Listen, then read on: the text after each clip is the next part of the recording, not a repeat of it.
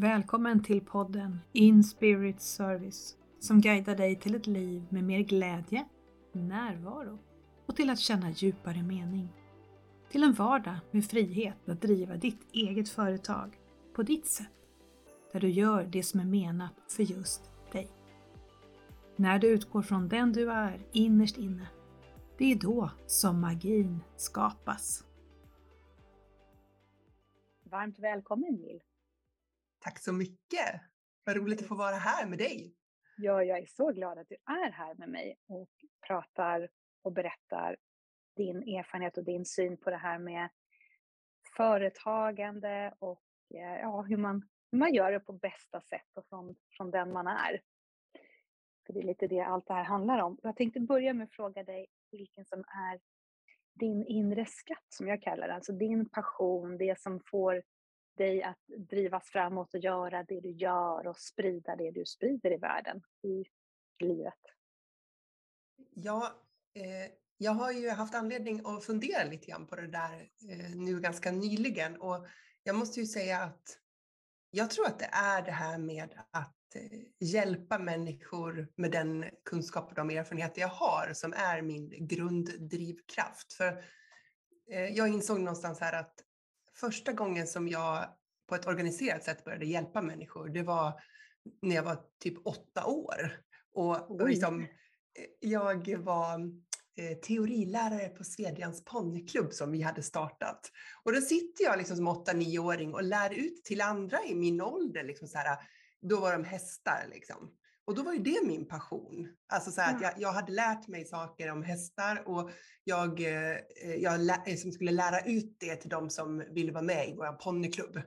Ja. Och det där har ju hängt med mig eh, genom hela mitt liv, att så fort jag har liksom fått en kunskap som jag känner så här, det här skulle andra också ha nytta av, mm. då vill jag jättegärna berätta om det. och så har det varit inom lite så olika områden. Mm. Men det, har, det, är nog den, den absoluta kärnan, just det här liksom att hjälpa till med saker där jag ser att jag har någonting som andra människor kan ha nytta av. Ja. Och det gör du ju med bravur kan jag säga som har äran att få ta del av din kunskap. Och det, du är ju så bra på det. Du entusiasmerar, du inspirerar, du kommer med kunskap och allting. Så du, så du gör ju ja, men, verkligen det. Tusen tack! Ja, men jätteroligt att du säger det. Uh, ja, nej, så det är nog verkligen en sån här äh, grunddrivkraft som jag har eftersom den hängt med ända sedan jag var så liten. Ja, vad häftigt. Åtta år. vad härligt. Så apropå ålder och tid och så här, var någonstans befinner du dig nu då? Både fysiskt tänker jag och sen i livet? Ja, precis. Eh, ja, fysiskt så befinner jag mig i denna 45-åriga kropp ja. i, eh, i Älvkarleby söder om Gävle eller norr om Uppsala. Och eh, nu driver jag eget företag. Mm. Eh, och det har jag gjort sedan 2018. Mm. Ehm, och innan 2018 så då var nog eh, min eh, drivkraft allt annat än att driva eget företag. Alltså jag kände så här, mm. egenföretagare, nej tack. Ge mig ett jobb med en schysst lön, roligt på dagarna, tack så mycket, det blir bra för mig. Ja. För att jag var uppväxt i en företagarfamilj och eh, mina föräldrar, de hade, det var så slitsamt jämt. Det var liksom så här, det var hårt jobb och antingen var det för mycket att göra och då var det svårt att hinna med. Eller också var det för lite att göra och då var det för lite pengar in. Så det var mm. liksom aldrig, jag hade alltid den känslan av att det var slitsamt, att det var en kamp. Mm. Så att eh, jag var väldigt säker på att jag absolut skulle ha en anställning. Och eh, även om jag älskade och var passionerad för hästar så kände jag att eh, eh nej, jag vill inte jobba med hästar. Det är världens slit och det är inga pengar överhuvudtaget. Utan mm. jag vill göra någonting annat. Eh, och, så jag valde en annan väg. Jag började jobba med information och kommunikation och, och sådär. Mm. Så att det har ju varit min yrkesbana. Kommunikation, verksamhetsutveckling. Jag har varit chef i över tio år och jobbat mycket med ledarskap och sådär. Eh, och var, har liksom inte alls haft någon tanke om att jag ska ha ett eget företag under alla de här åren jag gjorde, om man ska säga, någon form av traditionell karriär. Då. Mm. Eh, utan jag var så nöjd med att mm. gå till jobbet och jobba där i en organisation och leda människor och göra budgetar och eh, verksamhetsplaneringar och, och uppföljningar och coachningssamtal med medarbetare. Jag var hur nöjd som helst med det liksom. Mm. Ehm, tills, tills jag inte var det längre. ja, vad händer då? För jag tänker att jag kan förstå först att om du är uppväxt, om man får säga i en ohälsosam företagaranda, alltså ohälsosam, missförstå mig rätt där, men om du såg baksidan av det, att det inte var ett frodigt välmående alltid. Det är klart att det går upp och ner ändå i ett företagande, men så att det kanske blev att du hamnade i andra diket för att det där vill jag absolut inte. Men att du mådde väldigt bra där, men någonting hände då så att du ändå gjorde någon ja. värdering där, eller vad hände? Ja, det var inget dramatiskt som hände, utan det var nog bara den här känslan av att så här, eh, jag är ju väldigt utvecklingsorienterad och eh, vill liksom jobba med eh, utveckling, personlig utveckling och förbättringar och sådär. Och så kom jag nog till ett läge där jag kände så här, mm, men vet att nu är jag klar med det här. ja. Jag är liksom så här, ja, här sitter jag, jag var vice vd på ett företag, jag hade jättebra medarbetare, det var fantastisk utveckling. Och, men jag hade gjort allting väldigt många varv. Liksom. Mm. och jag hade verkligen tagit ledarskapet på allvar. Jag hade verkligen gjort mitt yttersta för att vara en bra chef. Um, och jag hade liksom um, ansträngt mig för att det skulle bli bra för verksamhetens bästa och för mina medarbetare och sådär. Och så um, insåg jag en dag att jag kände så här, men det är dags för en förändring. Och så började jag mm. i tanken byta jobb. För det var ju mm. det jag mm. tänkte att jag skulle byta jobb. Så i, i tanken så testade jag så här, om jag skulle söka det där vd-jobbet eller kanske något utvecklingschefsjobb. Eller, ja, men jag testade de här liksom traditionella eh, yrkes... Nästa steg. Ja, men saker. nästa steg som skulle kännas ganska ja. så naturligt utifrån där jag var då. Ja. Och jag bara kände så här, ingenting. Alltså, jag såg någon så annons och så läste jag liksom på det där jobbet så kände jag så här, fast det där gör jag ju redan idag. Då kan jag ju lika gärna vara kvar där jag är. Jag jobbar i en fantastisk organisation med miljöfrågor som jag brinner för och eh, allt är bra. Mm. Och då insåg jag någonstans att här, jag vill ju inte ha ett nytt jobb och en ny arbetsgivare. Jag vill ju ha ett nytt liv. Ja. Vilket låter lite dramatiskt. Men det var, liksom, det var ett annat sätt att leva som jag var ute efter, inte ett annat jobb, för att jag hade redan ett jättebra jobb. Mm. Så det var på något och, sätt maxat där du redan var, så det var det någonting helt nytt som behövdes? Ja. Mm. Och jag är så glad att jag kom på det innan jag liksom hade eh, sökt ett annat jobb. Jag hade säkert fått något annat jobb också. Det är väldigt så här, modernt nu med kvinnliga chefer och jag är helt säker på att jag skulle fått ett jättefint jobb någon annanstans. Liksom.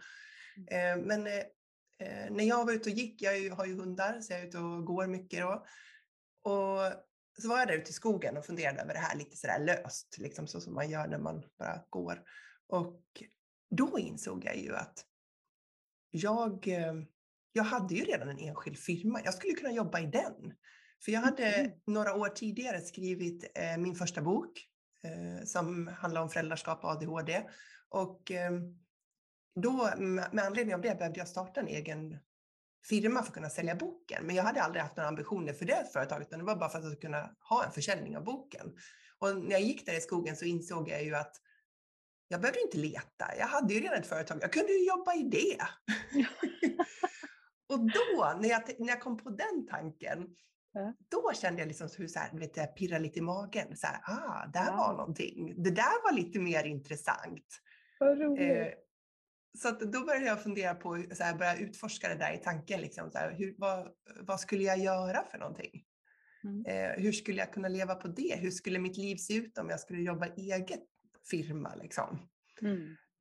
Så att det var, liksom, det var liksom där som var en vändpunkt, precis den där promenaden, liksom, när jag mm. plötsligt bara insåg något som hade funnits där hela tiden, men som jag inte hade tänkt på innan kanske var lite för nära, för ibland behöver man ju den här distansen att göra någonting helt annat. Så oftast är det ju typ gå i duschen, stå i duschen, promenera, någonting annat och då pling, så kommer det som är där framför en egentligen. Ja, Eller absolut. att man får till sig någonting helt nytt förstås. Men vad härligt att det ändå fanns så pass nära och börja, att det börjar bli lite pirr igen, att det från flatline inte börjar hända någonting. Det var verkligen så, för då kände jag, liksom, ju mer jag tänkte på det där, desto mer kände jag i hela kroppen att det var ju det, det där. Jag skulle inte söka något annat jobb. Jag skulle, jag skulle skaffa ett eget företag och jag skulle göra oklart vad. Ja. Med någonting liksom. så så där, där började ju med, och då var ju det 2017. Mm. Så hela den här tankevändan då slutade med att eh, jag gick hem till jag ringde en vän och sa nu vet jag vad jag ska göra resten av mitt liv. Hon bara va? Hon visste inte ens att det var en fråga. Jag, bara, jag, ska, jag ska jobba eget företag. Hon bara ja men det är en jättebra idé. Vad ska du göra? Jag bara ja, jag kanske ska föreläsa eller jobba som konsult eller jag vet inte riktigt. Något, något sånt där där jag får användning av alla kunskaper jag har liksom lärt mig som förälder till barn med särskilda behov och som ledare och chef för många år och sådär. Hon bara, det kommer gå jättebra. Jag bara, mm, Sen kom jag hem till min man och så, och så sa jag till honom så här, nu har jag kommit på, jag ska ju jobba i eget företag. Och han bara, ah! Jag bara, jag ska sluta på mitt jobb och jag ska jobba i eget företag. Han bara, alltså jag tror verkligen på dig, det gör jag verkligen. Men alltså, eget företag? Du kommer ju aldrig tjäna så mycket pengar som du gör nu och jobba i eget företag. Och jag bara, mm, watch me. Ja, härligt. Det var det, det var det bästa han kunde ha sagt. Ja. Jag bara, mm -hmm. väntade bara. Sen gick jag till min chef på jobbet, eh, vdn då, och så sa jag att eh, du behöver inte ge mig någon löneförhöjning i år för jag ska ändå sluta. Det är dags nu. Han bara, va? för vi hade lönesamtal. Han bara, ska du sluta? Jag bara, ja det är verkligen dags nu. Jag ska jobba eget företag. Han bara, men det låter som en jättedålig idé. jag bara, va? Ja, det slutade med att jag inte ens lyckades säga upp mig utan det blev att jag skulle gå ner på deltid och vara tjänstledig. Och så tänkte jag så här, vad är jag för en person som inte ens klarar av att säga upp mig från ett jobb? Det torde vara den enklaste saken man kan göra. Man säger så här, jag slutar och så slutar man. Nej, inte jag. så att, ehm, motstånd. Ja, så det, det slutade med att eh, jag då tog tjänstledigt på deltid i sex månader. Mm. Och efter tre månader, då eh, sa jag till honom att jo, men jag kommer att sluta nu. Så jag sa liksom, formellt upp mig då, på riktigt. På riktigt. ja. Eh, så att, eh, jag klev ut som egenföretagare första mars 2018 på heltid. Eh, utan, eh, utan pengar och utan kunder. Mm. och med en väldigt vag företagsidé. Hur var den då, företagsidén som du hade då? Då tänkte jag mig att jag skulle, jag skulle bli en jätte jättebra föreläsare. Mm. Och så skulle jag åka runt och så skulle jag prata om föräldraskap och eh, barn med ADHD. Det var det. Mm. Eh, och sen är jag ibland lite kort tänkt så att det tog ett tag innan jag insåg att jag kan inte vara en föreläsare. De måste ju, jag kan inte åka, vara, vara föreläsare och åka runt på en radie av fem mil runt min bostad. Man måste ju resa när man ska vara föreläsare. Uh -huh. Ja, och jag tycker inte om att resa. Jag vill inte åka någonstans. Eh, det hade inte jag riktigt tänkt på. Att man kanske måste vara liksom i Sundsvall ena dagen och så ska man till Luleå eller man kanske ska ner till liksom Lund eller du vet, det är ju föreläsarliv liksom. Bo på mm. hotell och jag bara, men jag har ju barn och hundar och nej men mm. jag, jag kan inte hålla på så. så att jag fick lov att tweaka lite grann på min, eh, på min resande föreläsare-idé för att jag insåg att det där passar inte mig. Alltså, jag gillar absolut att prata inför människor och allt sådär, men det där livet med att ligga borta, det funkar ju inte. Nej. Så att, eh, ja, så det blev inte så mycket av just eh, föreläsningar då. men det, Nej, men det var ändå formen, en tanke jag hade. Jag tänker att den formen att resa, det finns ju andra vägar. Tänkte du någon gång på att ändå köra det online då? Redan då? Inte då, tro, ja, alltså så blev det ju faktiskt. Eh, så att på ett sätt så gjorde jag väl min föreläsare eller utbildare, föreläsare karriär på det sättet. Men eh, för att det blev digitalt istället. Men ja. då 2017, 2018, nej, då jag, hade jag inte det tydligt klart för mig att man kunde göra sånt online på det sättet. Så vad gjorde du istället då? Vad hände då? Eh, ja, jag är faktiskt väldigt nyfiken själv på hur, hur jag lyckades hålla mig själv så sjukt sysselsatt de första månaderna fast jag inte hade några kunder. jag undrar så här i efterhand, vad gjorde jag då egentligen? För jag höll på hela tiden. Oklart så här i efterhand med vad då, men jag var väldigt upptagen. Ja. Ehm, sen, eh, sen var det så lustigt då, för jag hade ju eh, inga intäkter eftersom jag var nystartad och eh, min man hade ett tillfälligt jobb. Så samma dag i augusti 2018 när han fick reda på att inte hans tjänst skulle bli förlängd, det vill säga han skulle gå ut i arbetslöshet utan a-kassa. Eh, och jag hade eget företag utan intäkter. Samma dag så får jag en, ett uppdrag som konsult mm. på, ett, eh, på ett företag här i närheten. Eh, och det uppdraget, det, liksom, det utvecklades över tid. Så jag blev kvar där i ja, över två år. Mm. Eh, och det gav ju mig en jättebra grundplåt för att fortsätta utveckla mitt företag. För då hade jag ju det där uppdraget och eh, det gav eh, bra intäkter och det fortsatte över tid. Jag, fick, mm. och jag kunde börja, liksom, fortsätta bygga upp min eh, onlineverksamhet. Eh, mina två ben online som jag har, eller mina två varumärken online mm. Eh, som jag har nu då. Ehm, men det, det kom precis då. I slutet Vilken divine timing som man säger. Det måste vara perfekt för att jag kan tänka mig att många gånger är det ändå rätt skönt att ha en trygghet för att det handlar ju mycket om att vara i tillit när man håller på att bygga upp ett företag. Och gärna om man vill liksom gå på lust och glädje och det hjärtat säger och från själen, vad man nu vill kalla det. Att ha den tilliten till att göra det utan att låta rädslorna ta över. För jag kan tänka mig att det fanns ju ganska mycket faktorer utifrån som, vänta lite, är det här verkligen vettigt? Om hjärnan skulle gå in och börja tycka och tänka. Och vara kvar i sin tillit, ändå följa den här magkänslan, hjärtats röst, allt det här. Att ha som det här uppdraget som kom då, det måste ju ha varit ganska skönt. Okej, okay, jag kan fortsätta vara kvar i det här och utveckla och processa och ta det framåt utan att känna kniven mot strupen eller pressa fram någonting som inte då kanske blir riktigt bra eller kväsa något som kanske kunde ha växt till sig till att bli riktigt bra. Mm. Ja, nej, det var ju en eh, fantastisk eh, timing verkligen. Ja. Eh, samma dag. Och ja. det, nej, det blev väldigt bra och det gav ju mig utrymme att eh, växa successivt, eller liksom förfina mina idéer successivt kan jag säga. Mm. Sen var det ju så att Ehm, de här uppdragen som jag fick som konsult var väldigt krävande och mm. tog väldigt mycket av min förmåga i anspråk. Så det gjorde ju också att eh, jag fick ehm, väldigt mycket att göra. Eh, jag fick eh, väldigt mycket, ehm, vad ska man säga, press i form av att mycket skulle levereras. Mm. På, på, många fronter. Så att det, var ju, det, det, blev ju tuffa år. Alltså ekonomiskt sett så blev det bra år, de åren mm. som följde där.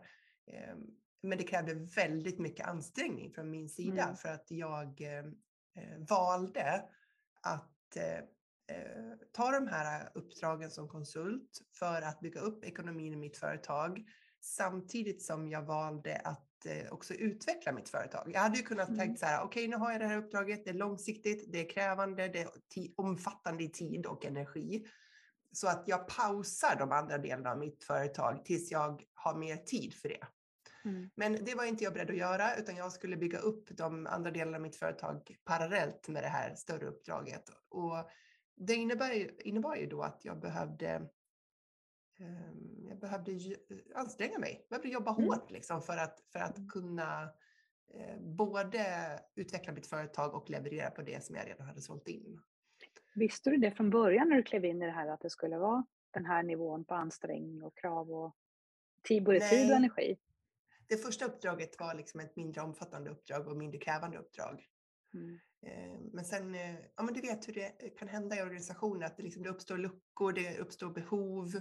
Mm. Ehm, och jag, eh, jag erbjöd mig att göra vissa saker för att jag såg att här, här behövs det liksom någonting. Det behövs mm. Ett ledarskap inom just den här eh, delen av organisationen. Och jag tyckte att om de ändå skulle ha mig där så gjorde jag bäst nytta där. Mm. och det var kanske inte det som var det bästa för mig, men jag såg att det var det som organisationen behövde. Och det mm. är alltid mitt fokus. Det är liksom, vad är det min kund behöver? Vad är det som behövs i det här läget? Mm. Och eh, kan jag hjälpa till i det läget så vill jag gärna göra det. Och så var det även i mitt konsultuppdrag. Liksom, så så det, det blev ju så att det tog en annan form och mm. blev mycket mer krävande. Eh, vilket sen ledde fram till att jag till sist eh, tänkte att men, nu, nu, nu, nu måste jag ta ett grepp om det här. För mitt företag mm. håller på att utveckla sig i en riktning där, där jag har alldeles för mycket att göra och eh, eh, jag gör lite fel saker. Jag tjänar mycket pengar men jag tjänar dem på fel områden i mitt företag. Mm. Och jag kände att det är ju jag som är mitt företag. Så är det någon som ska fatta några beslut om det här så är det rimligen jag. Ja. Behöver du skifta lite fokus där då på något sätt? Eller? Ja, jag bestämde mig för att eh, avveckla mitt, eh, mitt konsultben i, mm. företaget eh, i den omfattning som jag hade där och sa mm. till min uppdragsgivare att eh, efter jag har gjort klart på de här avtalen som är så kommer jag inte att eh, kunna förlänga no någonting. Utan mm. här, här tar mitt, min leverans slut. Liksom.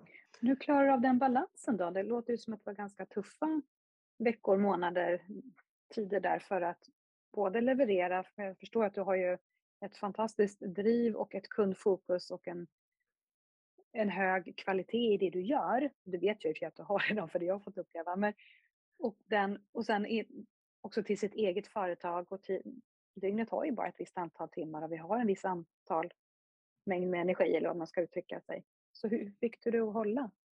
Hur gjorde du? Jag tänker att jag hade ganska stor vana av att jobba i högt tempo sen min vardag som chef. Ja. Eh, så att det var inget nytt för mig att kavla upp ärmarna och eh, liksom prestera på en ganska hög nivå. Mm. Så, så att, eh, men sen alltså, det är de här vanliga sakerna som hjälper mig, som har hjälpt mig under alla år, liksom, när jag varit förälder till barn med särskilda behov, när jag varit chef över många personer och haft liksom en ganska hektisk tillvaro totalt sett i livet. Att, um, att jag får gå mina hundpromenader, mm. att jag är ute och går, liksom rör på mig, att jag tränar regelbundet, att jag alltid prioriterar sömn. Jag är ingen nattsuddare, mm. jag ser till att, att sova liksom, för att jag jobbar med min hjärna och vaknar jag upp och är trött, då är den dagen vad ska jag göra med den dagen liksom? Ja. jag behöver, jag behöver liksom sova så att jag, kan, så att jag är pigg, fräsch i huvudet. Liksom.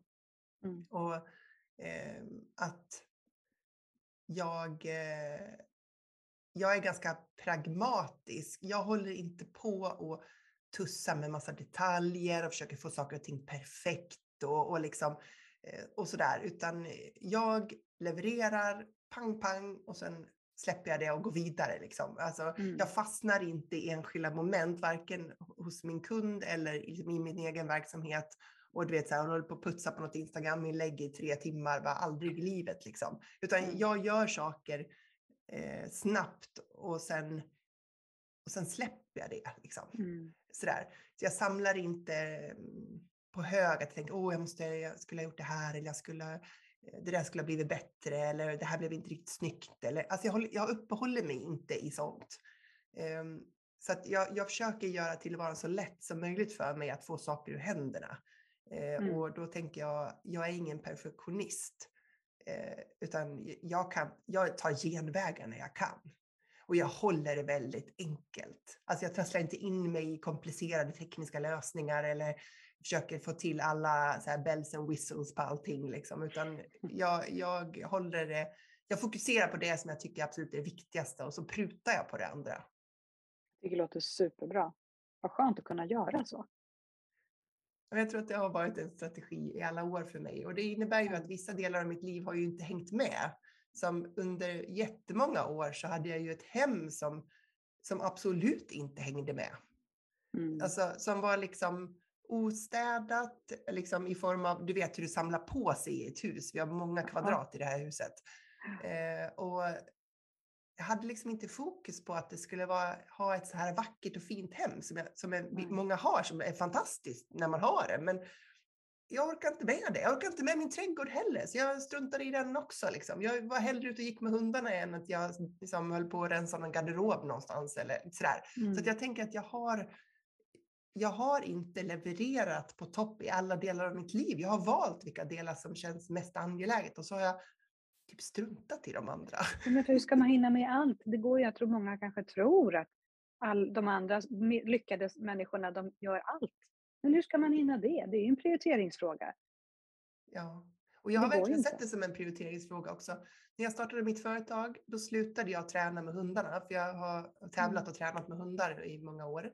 Och då kände jag så här, jag har inte mentalt utrymme att ska man träna för tävling, då måste man ju träna med en plan.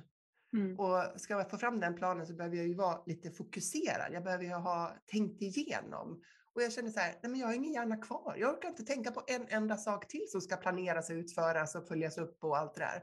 Så att jag sa då att eh, jag kommer pausa hundträning. Jag kommer inte tävla mer, jag kommer inte träna mer. Kommer, hundarna kommer bara få hänga med på de motionsaktiviteter som jag gör som inte kräver att jag måste eh, fokusera på någonting. Jag kan bara mm. göra det.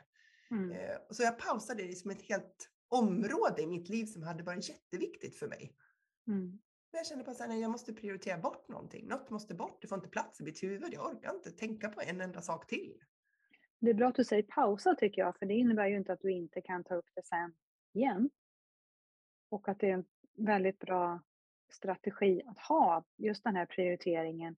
Och det känns lite grann som det är good enough. Och det är good enough är faktiskt himla bra, det du levererar. Det har jag sett och hört. Så att en väldigt bra strategi för att hålla och ha ett välmående i vardagen. Inte bara att mm. sen då ska jag kanske må bra när jag klarat det här, utan att kunna göra det i nuet på resan. Mm vardagen har ju alltid varit väldigt viktig för mig för att eftersom jag inte är någon semestermänniska och jag inte tycker om att resa någonstans så har jag ju så här, jag vill ju skapa ett liv som jag trivs med varje dag. Liksom. Mm. Sen är inte alla dagar lika ro roliga, liksom. det är inte det.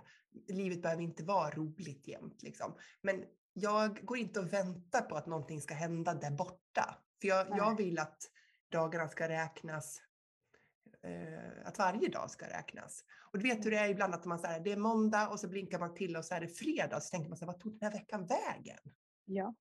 Och då känner jag att så här, då vill jag veta i alla fall att den här veckan bestod av en massa saker som jag aktivt har valt att göra. Sen att det gick väldigt fort och att min upplevelse är lite grann att det blinkar till och att veckan gick fort.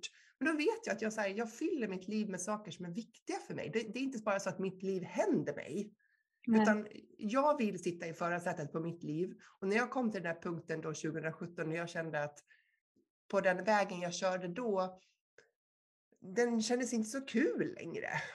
Sådär. Sådär. Ja, visst, jag gör det här bra och alltid liksom mycket pengar in, hade hög lön och liksom allting så här, utom, som man kan tänka sig att man skulle checka av. Mm. Men det var liksom inte så inspirerande längre. Och då kände jag så här, men då måste jag ju fatta ett nytt beslut av mitt liv. För det som jag mm. trodde skulle vara min riktning. Jag, hade, jag trodde att jag skulle jobba som chef hela mitt liv. På riktigt trodde jag det. Mm. Och så insåg jag att men det vill jag inte mer. Jag är klar. Färdig. Mm. Check på den. Ja. Färdig. Och bara den där känslan av att liksom så här, men då väljer jag någonting annat. Ja. För det kan jag göra. För att jag, jag äger mitt liv. Sen kanske inte jag kan göra det på en femöring. Jag kunde inte gå från den där idén i skogen till dagen efter börja leva mitt företagarliv. Men du bytte var, kurs? Jag bytte kurs. Ah. Och gradvis så fattade jag beslut ja. därefter som ledde mig fram dit jag är nu. Och det går inte alltid så fort som man skulle önska. Eller jag skulle säga så här, Nej. oftast går det långsammare än vad man skulle ja. önska. Så är det. Men om man aldrig börjar, då kommer man definitivt aldrig att göra den här vridningen. Jag tycker det är så fantastiskt det du säger, att för du, du lyssnade ju inåt och kände av, och den här boxen tickade i att känna verkligen mening, lust och glädje, när den inte är ifylld längre. Att ta ett aktivt beslut och inse att det är jag som är chef i mitt liv. Jag tror väldigt många inte gör det. Att då är det nog lättare att slå till dövörat, fortsätta för att man tickar i de här boxarna som är så viktiga utåt sett. Och jag borde vara nöjd med det här. Men då är det nog bara något tillfälle, jag bara kör på. Och sen kanske en vacker dag så håller det inte längre, man kanske blir utmattad eller man blir bara deprimerad eller livet bara kännas väldigt mycket mer tomt och hemskt än vad det kanske borde vara. Om man har modet att titta upp en ny kurs. Ja, allt är inte klart, men hitåt ska jag. Alltså, mm. Fantastiskt att du gjorde det. Ja, jag, alltså, jag, är, jag gillar ju att älta bra saker. Det är bra, älta bra saker. Ja. ja. och just det där beslutet att jag liksom verkligen eh, bestämde mig för att satsa på ett liv som företagare det kan jag liksom flera gånger i veckan bli så här sjukt nöjd över. Du vet, så att jag, kan så här, så här, eh, frossa lite i så här, och här går jag och bara är egenföretagare och kunder och hjälper folk att tjäna pengar. Och, wow! Vet du, jag kan bli så imponerad över det. Fast, det, fast jag har hållit på i flera år nu så är jag fortsatt så himla sjukt nöjd över att jag verkligen tog det där beslutet. Och det är väl härligt, för så många år är det ju inte ändå. Om man ska vara riktigt seriös så är det ju så att det, det kan ju ta ganska lång tid innan man lyckas vara på den nivån som du är. Så ännu mer bravur att du har gjort det ändå relativt fort kan jag tycka. Ja, jo, alltså det är klart att det, när man tittar på det liksom härifrån och tittar tillbaka så kanske det inte är så lång tid. Sen är min upplevelse naturligtvis att det är mycket Ja. tid. Ja. Eh, Men eh, jag är egentligen eh, jag är ju egentligen väldigt nöjd över på den nivå som mitt företag är just nu. Vilket Mm. har faktiskt fått mig att fundera lite grann över, jag började tänka på det i före sommaren, eh, att jag, eh, jag ska tillåta mig själv att eh, inte vara så, ha så bråttom till målen. För Mm. jag är väldigt strategisk, jag är väldigt långsiktig eh, och jag är en väldigt hög arbetsmoral. Liksom, vilket Mm. gör att jag har, har i hela mitt liv haft så himla bråttom liksom, Mm. till någonting. Mm. Ehm, och, um, och nu inser jag ju någonstans i våras insåg jag så här, men vet att det är bra där jag är. Vart Jag, ska jag, jag, har då? fortfarande, jag har fortfarande de här höga målen. Eh, Mm. Så jag har ju fortfarande inte nått målen som jag satt upp. Men jag har heller inte så bråttom dit. Liksom, det, det, det är bra där det är. Det händer en massa bra saker i mitt liv och i mitt företag redan här och nu idag. Det är Mm. inte bättre där borta än här. Det är bara annorlunda. Och jag vet att när jag har nått de där målen, det är bara frågan om när, inte om. Mm. Då, då kommer jag fortfarande vara samma Jill eh, med samma utmaningar. Liksom, jag kommer ändå ha liksom, negativa tankar, jag kommer ändå ha dagar som, eh, som är både bra och dåliga. Allt det där följer ju med mig, för sig själv har man med sig överallt. Mm. Så jag behöver inte ha så bråttom dit. För att det är inte bättre där än här. Det är annorlunda kanske i vissa avseenden. Men det är bra här också. Och den där tanken har jag övat mig på att tänka. För efter liksom väldigt många år i högt tempo och, och, och känslan av brådska så kunde jag inte bara slå av det. Jag kunde Mm. inte bara som en, så här, eh, en knapp trycka bort så här. Då tar jag bort känslan av att det är bråttom, klick. Utan det var en tanke jag behövde liksom öva på mycket. Tänka vrida ner den där lite grann, kanske steg för steg. Minska Mm. lite. Ja. Jag tycker det är väldigt klokt sagt, otroligt klokt. Att njuta av resan och att nå, för jag menar, tänker när du väl är vid de målen som du då har satt upp, kanske du sätter nya mål så du är alltid på väg. Så att medvetet njuta av resan, det tror jag är en stor nyckel till framgång och lycka. Det tror jag också. Ehm, och för min del så är det en utmaning i sig. Om man tänker sig att man jobbar Ja. med personlig utveckling handlar om olika saker för olika personer. Vissa människor kanske har svårt att få saker gjort, de har svårt att komma igång eller de har svårt att ta nästa steg och sådär. Och för mig är det enkelt. Mm. Det, det, det är ingen utveckling i att göra saker för mig för att jag är jättebra på att få saker Mm. gjorda. Så min utmaning är ju snarare att, att lugna ner, eh, ha tålamod, inte som ett tålamod av att, så här, att man håller i sig själv och så här, men nu måste jag ha tålamod, utan verkligen liksom hitta den här ron där jag är. Det är, Mm. min, det är min utmaning till mig själv. Mm. Eh, och därmed inte sagt att jag inte vill leverera i högt tempo ibland och att jag vill liksom jobba på och jag, i alla leveranser. Men jag vill göra det utifrån den energin av att inte ha bråttom till någonting. Mm. Jag får känslan att gå lite mer från kanske ett, ett stressat tempo till ett njutbart tempo. Att gå från att prestera fort, fort, fort, fortfarande leverera allt det här men att göra det med njutning. Som att man, Mm. Jag kan nästan se framför mig som om man skulle äta en god måltid istället för bara att kasta i sig den. Så njut jag av varje tugga, för det är det Just som det. är Det är en grejen. bra liknelse. Ja, Ja. absolut. Njut av det.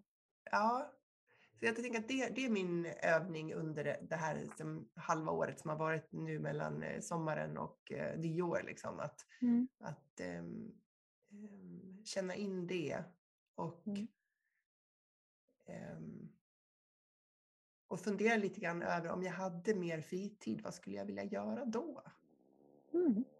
Liksom, vad, vad ska, vad ska liksom, livet bestå av? Eh, är, det är det någon del av livet som ska få ta lite mer utrymme än vad det har tagit under de här åren när jag haft väldigt stort fokus på att bygga upp mitt företag? Mm. Eh, så jag har, jag har mycket, mycket jobb kvar att göra med mig själv där. Men, men Mm. det, är, det är där jag befinner mig nu. Liksom. Mm. I den insikten och i den, eh, i den övningen. Det är väldigt viktigt att eh, se att det finns ju olika delar i utmaningen, just den här personliga utvecklingen. Vissa, jag framförallt kan nog komma från den tron att det handlar mer om att få saker gjorda. Att kunna sluta prokrastinera utan verkligen ha fokus och driva. Att det är den stora utmaningen. Att njuta av nuet, det kanske jag då har lättare för. Men att det finns ju verkligen andra sidor, att alla har sin sak. Ja. Och det viktiga är ju, men vad är viktigt för mig? Vad vill jag utveckla? Bara en medvetenhet. Att det här är för mig en sak som jag förstår att när jag processar den här, lär mig den här, i vissa fall läker det här, så vet jag att jag kommer må bättre. Det är min drivkraft till att göra den här resan.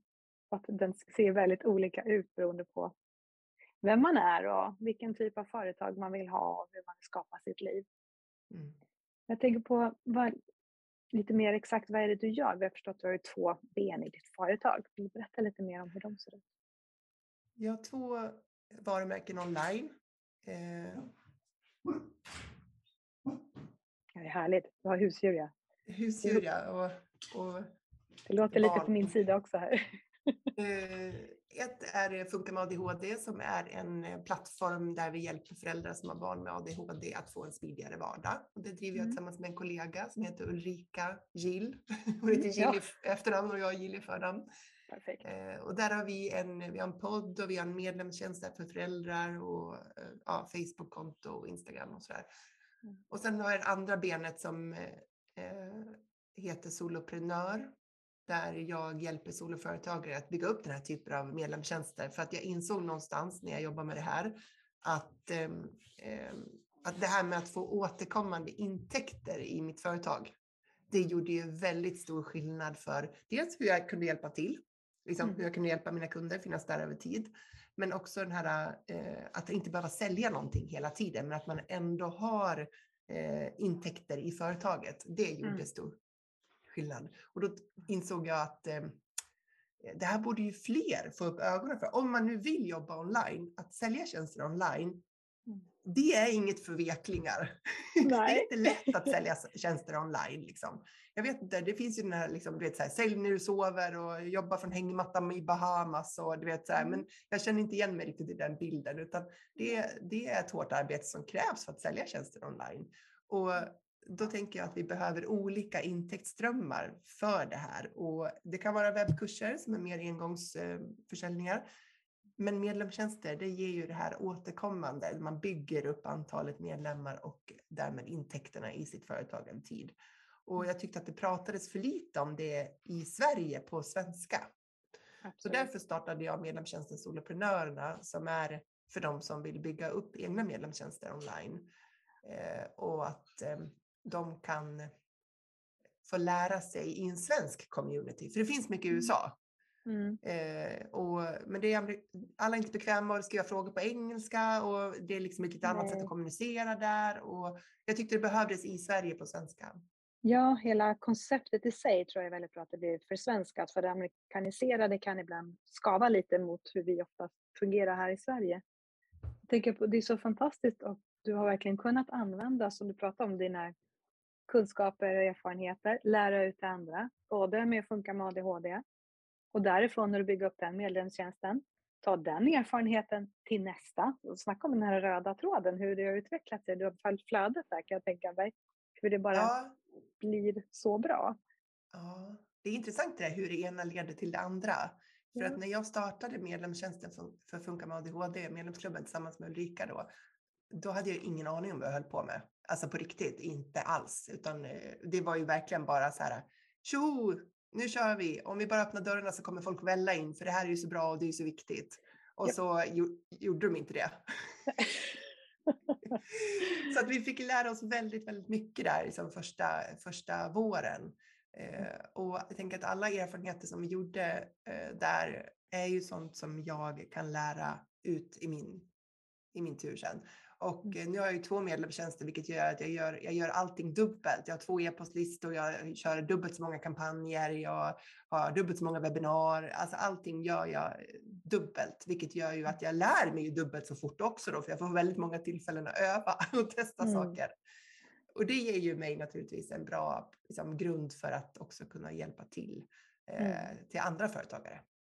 Och i det ena benet så behöver du också ta hänsyn till någon annan som sitter och är chef också.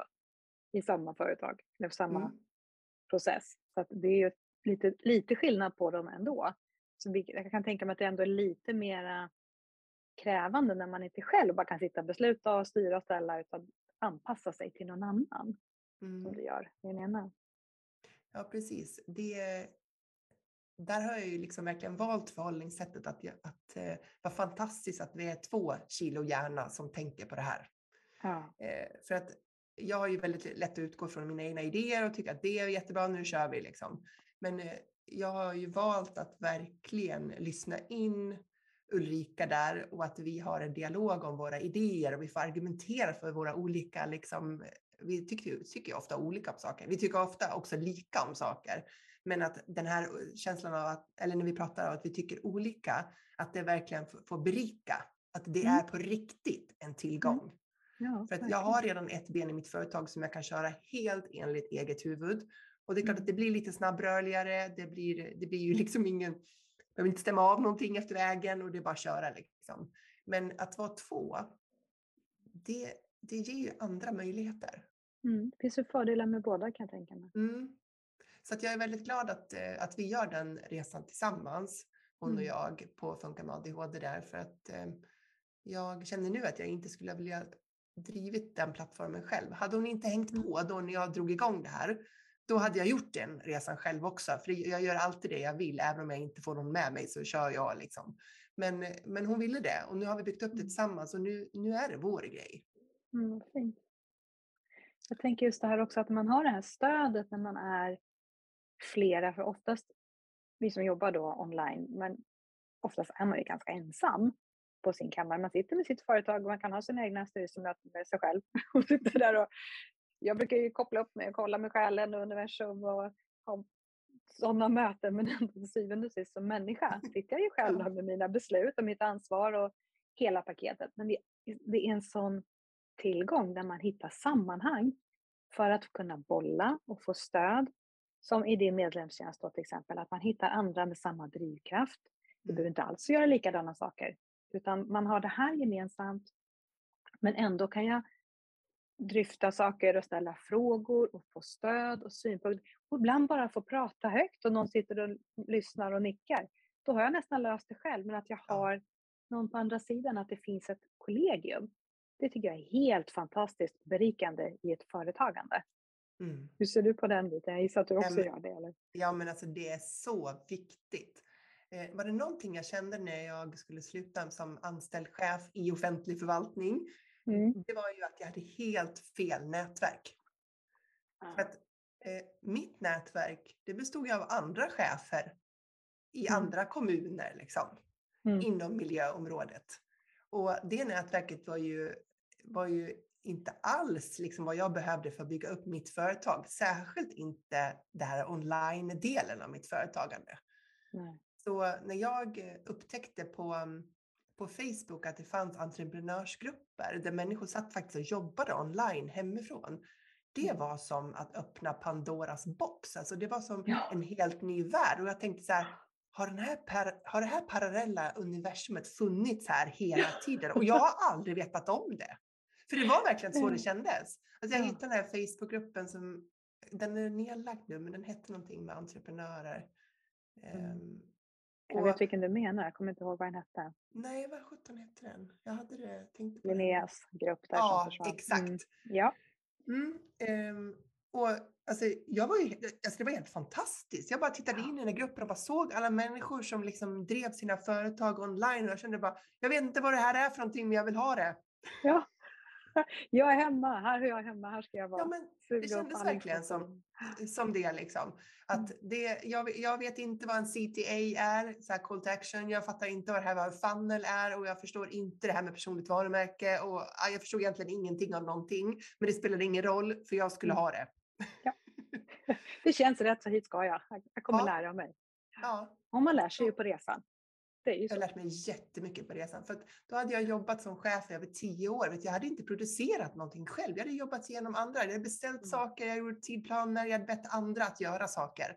Och nu plötsligt skulle jag börja producera själv, skapa själv värde på något ja. sätt.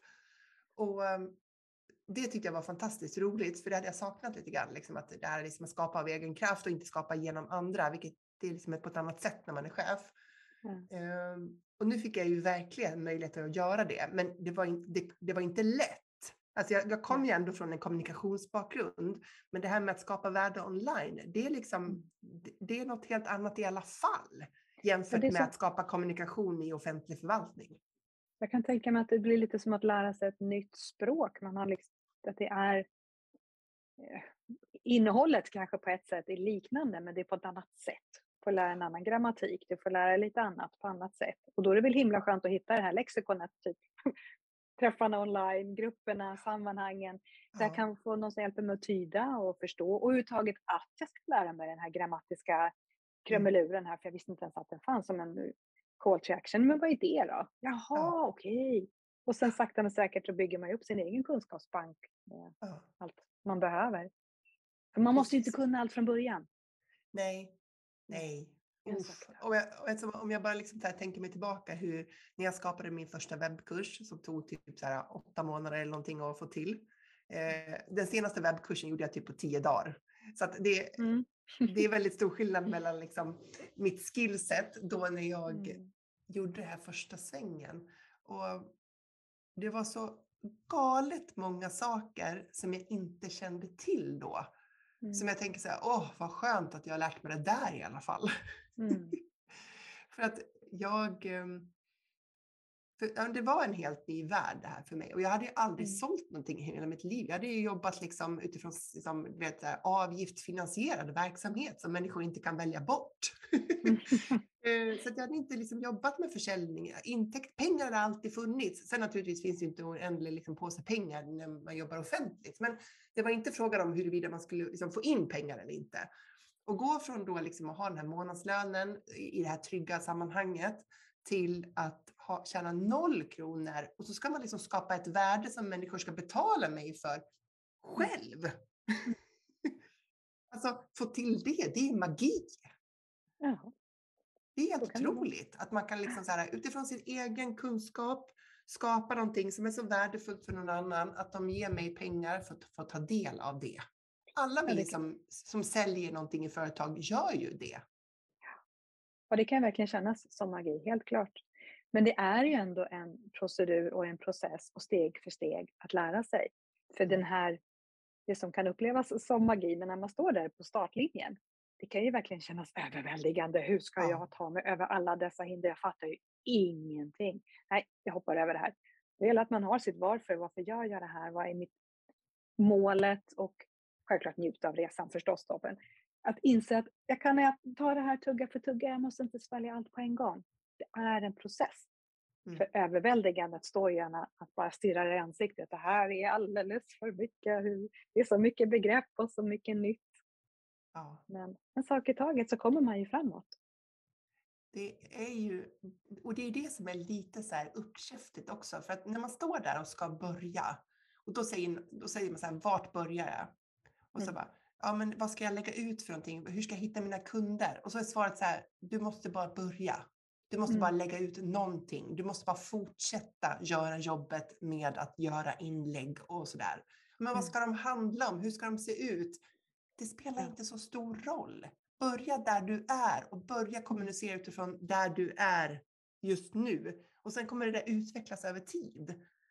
Man tänker att det ska finnas någon annan lösning för det här. Något, ma något magiskt piller som liksom ja. löser allting. Men det gör inte det, för det är verkligen så. Du börjar... När jag började funka med ADHD-benet, då jag skrev ju min första bok och för, liksom, innan jag började jobba då igen i min egen firma och sådär. Och så här i efterhand så har jag ingen aning om hur jag sålde tusen exemplar av den där boken. Ingen aning. Hur gick det till? Vart, vart, vart syntes jag någonstans? Hur, var, liksom, hur kunde de ens hitta att den här boken fanns? Fullkomligt oklart. Så gå från det då till när jag startade Soloprenör eh, i mars som en födelsedagspresent till mitt företag, mars 2020 mm. startade jag Soloprenör. Och eh, då hade jag jättelite tid för att bygga upp den delen av mitt företag, för jag satt fortfarande i det här konsultuppdraget och hade mycket att göra. Men jag kände så starkt att nu måste jag börja gå i den riktningen. Jag måste få liksom prata om de här sakerna mot företagare. Så jag gjorde det lilla, lilla som jag mäktade med att göra. Jag mm. startade Soloprenör utan hemsida, eh, på ett Instagramkonto och med en freebie som jag hade gjort direkt i Mailchimp utan någon liksom, eh, hemsida eller någonting. För det var, det var allt jag orkade med just då. För jag hade mm. full huggning med sånt som jag redan hade liksom åtagit mig. Men jag kände att det spelar ingen roll, jag börjar i mikroformatet. Liksom. Mm. Det tog inte många veckor innan jag hade min första coachningskund. Mm. Och i november samma år så startade jag Soloprenörerna och fick med mig ett fantastiskt gäng människor som du vet Agneta. ja. Eh, du är en av de fantastiska personerna. Eh, och då byggde jag upp ett helt företagsben på bara några månader. Det som hade tagit mig åratal från starten. Mm. Och det var ju bara för att jag tog all kunskap som jag redan hade tillägnat mig och så flyttade jag över den till ett annat varumärke och så gjorde jag samma resa där, fast mycket, mycket fortare. Med mycket, mycket större lätthet, med mycket större precision, tydlighet. Liksom, mitt hur jag ska göra det här, det var klart för mig redan när jag gjorde första grejen i mars, även om jag visste att jag kunde bara göra en jätteliten grej då, för jag orkade inte mer. Men jag visste mm. precis vilka steg jag skulle ta. Mm. Men att jag, kunde, att jag kunde se det huret framför mig, det var ju mm. bara för att jag hade redan gjort resan. Så nu när jag gjorde den en gång till så var det så mycket lättare. Men har du inte det så tar det ju kanske en annan tid. För det är en framgångsfaktor för att du verkligen hade erfarenheten. Men sen att du gjorde det. Du tog dina steg, hur små de än var, så tar du en rörelse framåt. Mm. Jag tror att många på något sätt inte riktigt förstår vikten av att göra det. Hur litet det än är, så rör du dig framåt. Det blir snöbollseffekten på det. Ja, jag tror att det är det hur det. viktigt som helst. Och att nöta, nöta och inte tro att... Därför, det var min hund, om hörde ju. Att inte tro att det måste vara perfekt och klart från början. För om inte jag har det här klart som jag behöver om tio steg så kan jag inte ta mitt första steg. Det. det har hindrat mig. Men jag kan mm. ombestämma mig. Jag kan byta nyanser på min, eh, i min, på min hemsida om det är så. Jag kan byta bilderna, jag kan byta text. Jag ja. får bestämma igen ombestämmandet är ju en magisk grej. Bara jag vågar, bara jag gör, inte bara sitter och väntar. Då kommer det ju aldrig att hända. Perfektionisten och prestationsprinsessan, de har ju verkligen, då har de bara kalas. Men det händer ingenting i mitt företag. Nej. Det där är så, ja men det är verkligen viktigt. Och det är på något vis att man måste, man måste göra det där för att förstå vikten av det. För när man hör människor prata om det där, de bara, mm. ja, ja, men det är lätt för dig att säga, nu har ju du kommit igång och sådär. Nej, fast nej, nej. Jag startade mitt Instagramkonto och jag tror att min första post har typ fyra likes. Mm. Där! Jag har inte ens ett stort Instagramkonto nu, men jag har en blomstrande business. För det handlar inte om hur många man når ut till, utan det handlar också liksom, främst om att det är rätt personer man når. Ja. Eh, sen naturligtvis måste vi jobba på en räckvidd och så här, men det är fortfarande kvaliteten som är det allra, allra viktigaste. Så här, Absolut. Jag hade inga kunder, jag hade aldrig pratat till en grupp företagare när jag startade i mars 2020. Jag hade bara kommunicerat online till gruppen föräldrar som har barn med ADHD-diagnos. Det är en mm. helt annan målgrupp. Mm. Så, att, så att jag hade ingen, inget nätverk, ingen närvaro, in, ingen visste vem jag var eh, när jag började att kommunicera under soloprenör. Utan jag började verkligen från noll. Mm. Noll följare på Instagram, noll prenumeranter på mitt nyhetsbrev, noll, noll, noll. Och nu har jag ett företag som omsätter hundratusentals kronor i den delen av mitt företagande. Där jag hjälper och coachar eh, företagare och har medlemstjänsten och sådär. Men jag började på noll. Det gör vi alla. Det är helt fantastiskt. Du är en sån inspirationskälla, Jill. Det är så härligt att prata med dig. Jag känner just och din personlighet är så underbar. Det är så härligt att både få skratta och få prata om allvarliga saker. För det, när, när du började berätta din resa, när du hade bestämt dig för att du skulle byta, byta spår där.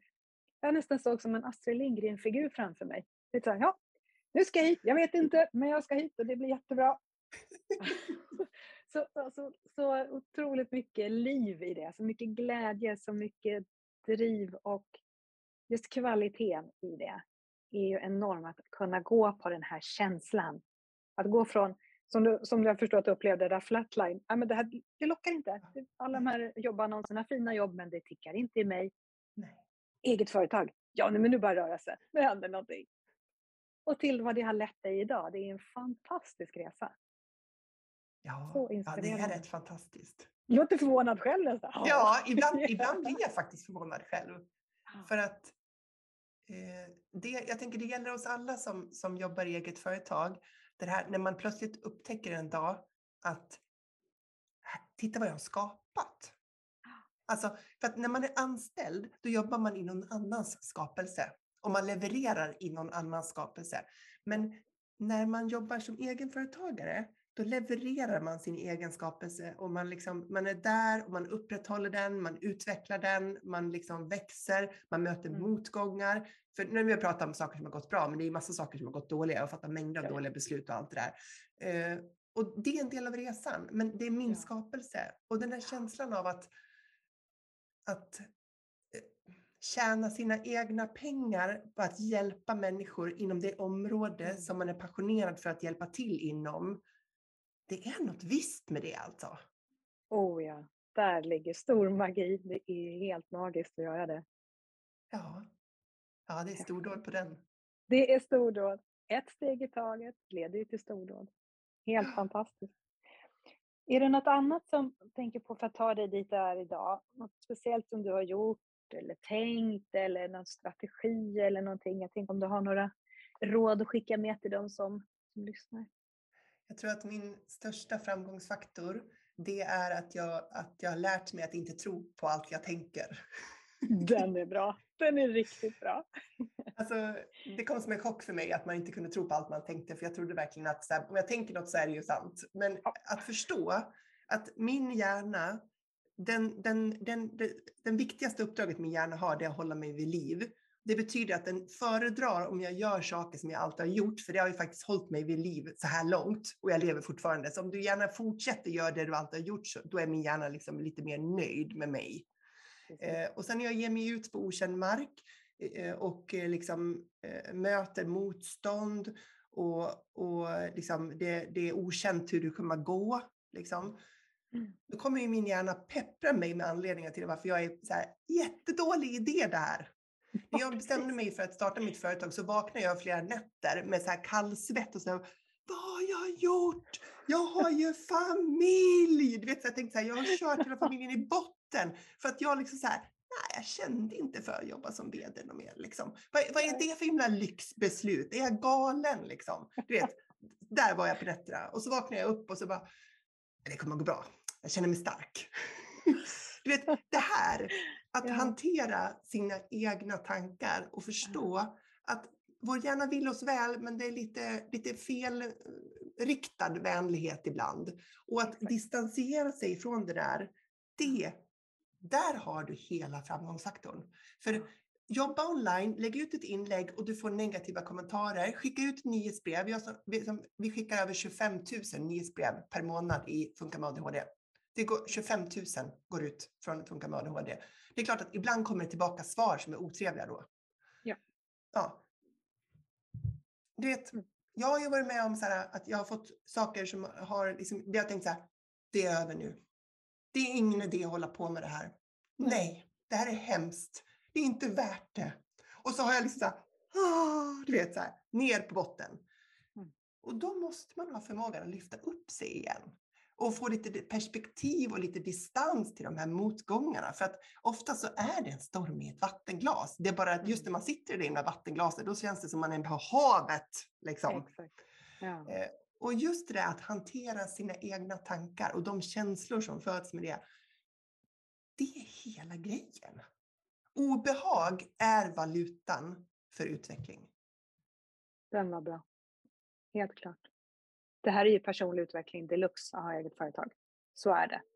Så det är, det. en jätte, jätteviktig nyckel att säga det. Just att våga på något sätt ta ett steg tillbaks och betrakta tankarna på något sätt. Och Mm. komma ihåg, ja just ja, det är för att egot som jag kallar vill hålla mig tryggt och säkert för så här har vi alltid gjort och testa inte Mm. på något nytt läskigt här nu. Och att få den här distansen som inte äts upp av det. För det är ju så Mm. himla lätt att göra det.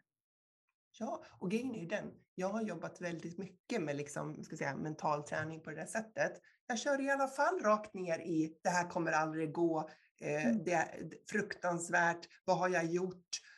Men jag är inte kvar i det diket så himla länge längre. Nej. Det är det som är hela Det är det som är poängen med Ja, det är bara det som är skillnaden. För det, alla de här negativa tankarna, de här obehagskänslorna och så här, de uppstår vilket, vilken nivå ditt företag du än befinner dig på så kommer de att uppstå. Ja. Utan när du, när du har blivit liksom, eh, när du har övat på det här, då blir du inte kvar i det diket så länge. Utan du, tar dig, du inser vad du håller på med och du kan coacha dig själv att komma upp på banan igen. Det är det som är skillnaden. Precis. För vi är alla människor. Vi är själar i mänskliga erfarenheter och vi har det här allihopa. Mer Ja. eller mindre olika tillfällen i livet. Men just att, att medvetenheten kommer fortare och fortare och jag har mer och mer verktyg och tekniker för att styra upp mig själv igen. Just det. Så det gäller att man inte blir hård mot sig själv. Åh, nu är jag, slå på sig själv för att nu är jag ju dålig för som fastnade där igen. Nej, nej, nej. Det gör vi alla. Man hamnar Ja, där. det gör vi alla. Ja, vi är människor och vi har hjärnor. Vi, Ja. har liksom, vi beter oss som människor. Så jag tänker det är viktigt det där som du säger, att vara lite snäll mot sig själv. Oh ja. För det, alltså, det råder ingen motsättning mellan att glädjas åt det man har och vara snäll mot sig själv, uppskatta det man faktiskt har tagit sitt företag till och samtidigt vilja utvecklas vidare. Samtidigt ha Absolut. större mål. Alltså vi kan, vi kan vara nöjda här och nu samtidigt som vi är på väg någonstans. Det är inte antingen eller liksom. Och jag tror att vi kommer mycket snabbare fram mot våra mål när vi är duktiga på att faktiskt se det vi gör bra och stärka oss i det, än att piska oss själva, kritisera. Vi gör alltid saker som vi skulle ha gjort bättre och kunde ha varit bättre och man sa tokig sak och man eh, liksom Mm. uttryckte sig klumpigt eller vad, vad det nu är. Liksom. Men där finns ingen energi till utveckling. Nej. Det gäller att lägga fokuset på rätt plats. Mm. Superbra. Tusen, tusen tack. Det har varit ett ljuvligt samtal. Jag känner mig så Jätteroligt. påfylld av energi och glädje och lite så här busighet också. Det, det, kul, det ska vara kul och det känns så roligt och lustfyllt. Och det är det, som är meningen. Det är därför Det vi gör det. här. Ja. Om man vill komma i kontakt med dig då, Jill, jag kommer ju skriva kontaktuppgifterna här i den här kursportalen, eller vad jag ska kalla det. Men eh, om du vill bara säga lite snabbt hur man får kontakt med dig. Ja, precis. Jag finns på Instagram under eh, solopreneur.nu. Lite konstig Mm. stavning på det. Solopreneur.nu. Och det är också min webbadress. Mm. Eh, eller också kan man ju lyssna på Soloprenörpodden. Då kan man ju... Eller så här. Tyckte du om det här samtalet så lyssna på Soloprenörpodden. Tyckte du inte om det här samtalet, lyssna inte. Det blir bara ännu mer av sånt. Det är en av de få poddar jag lyssnar på ska jag ärligt säga. Jag tycker den är Mm. fantastiskt härlig att lyssna på. Så glad att höra det. Ja, det är så underbart att lyssna på dig och så du fnissar lite och då kan jag sitta och fnissa. Känns det som att vi pratar tillsammans fast du hör inte mig. Nej. Ja, det är härligt att höra tycker jag. Så det var lyx för mig att få kommunicera med dig, att du hörde mig, att vi kunde fnissa tillsammans. Så Riktigt tusen roligt. tack för en fantastisk stund. Tusen tack själv. Tusen tack för att du har lyssnat. Om innehållet i den här podden resonerade med dig och din själ, glöm inte att prenumerera så att du inte missar något kommande avsnitt. Och känner du att fler skulle ha glädje av det du just lyssnat på? Lägg en skärmdump på det här avsnittet i dina sociala kanaler. Vill du ha mer inspiration och få mer kunskap om den schamanska energimedicinen? Gå in på sidan introvert.se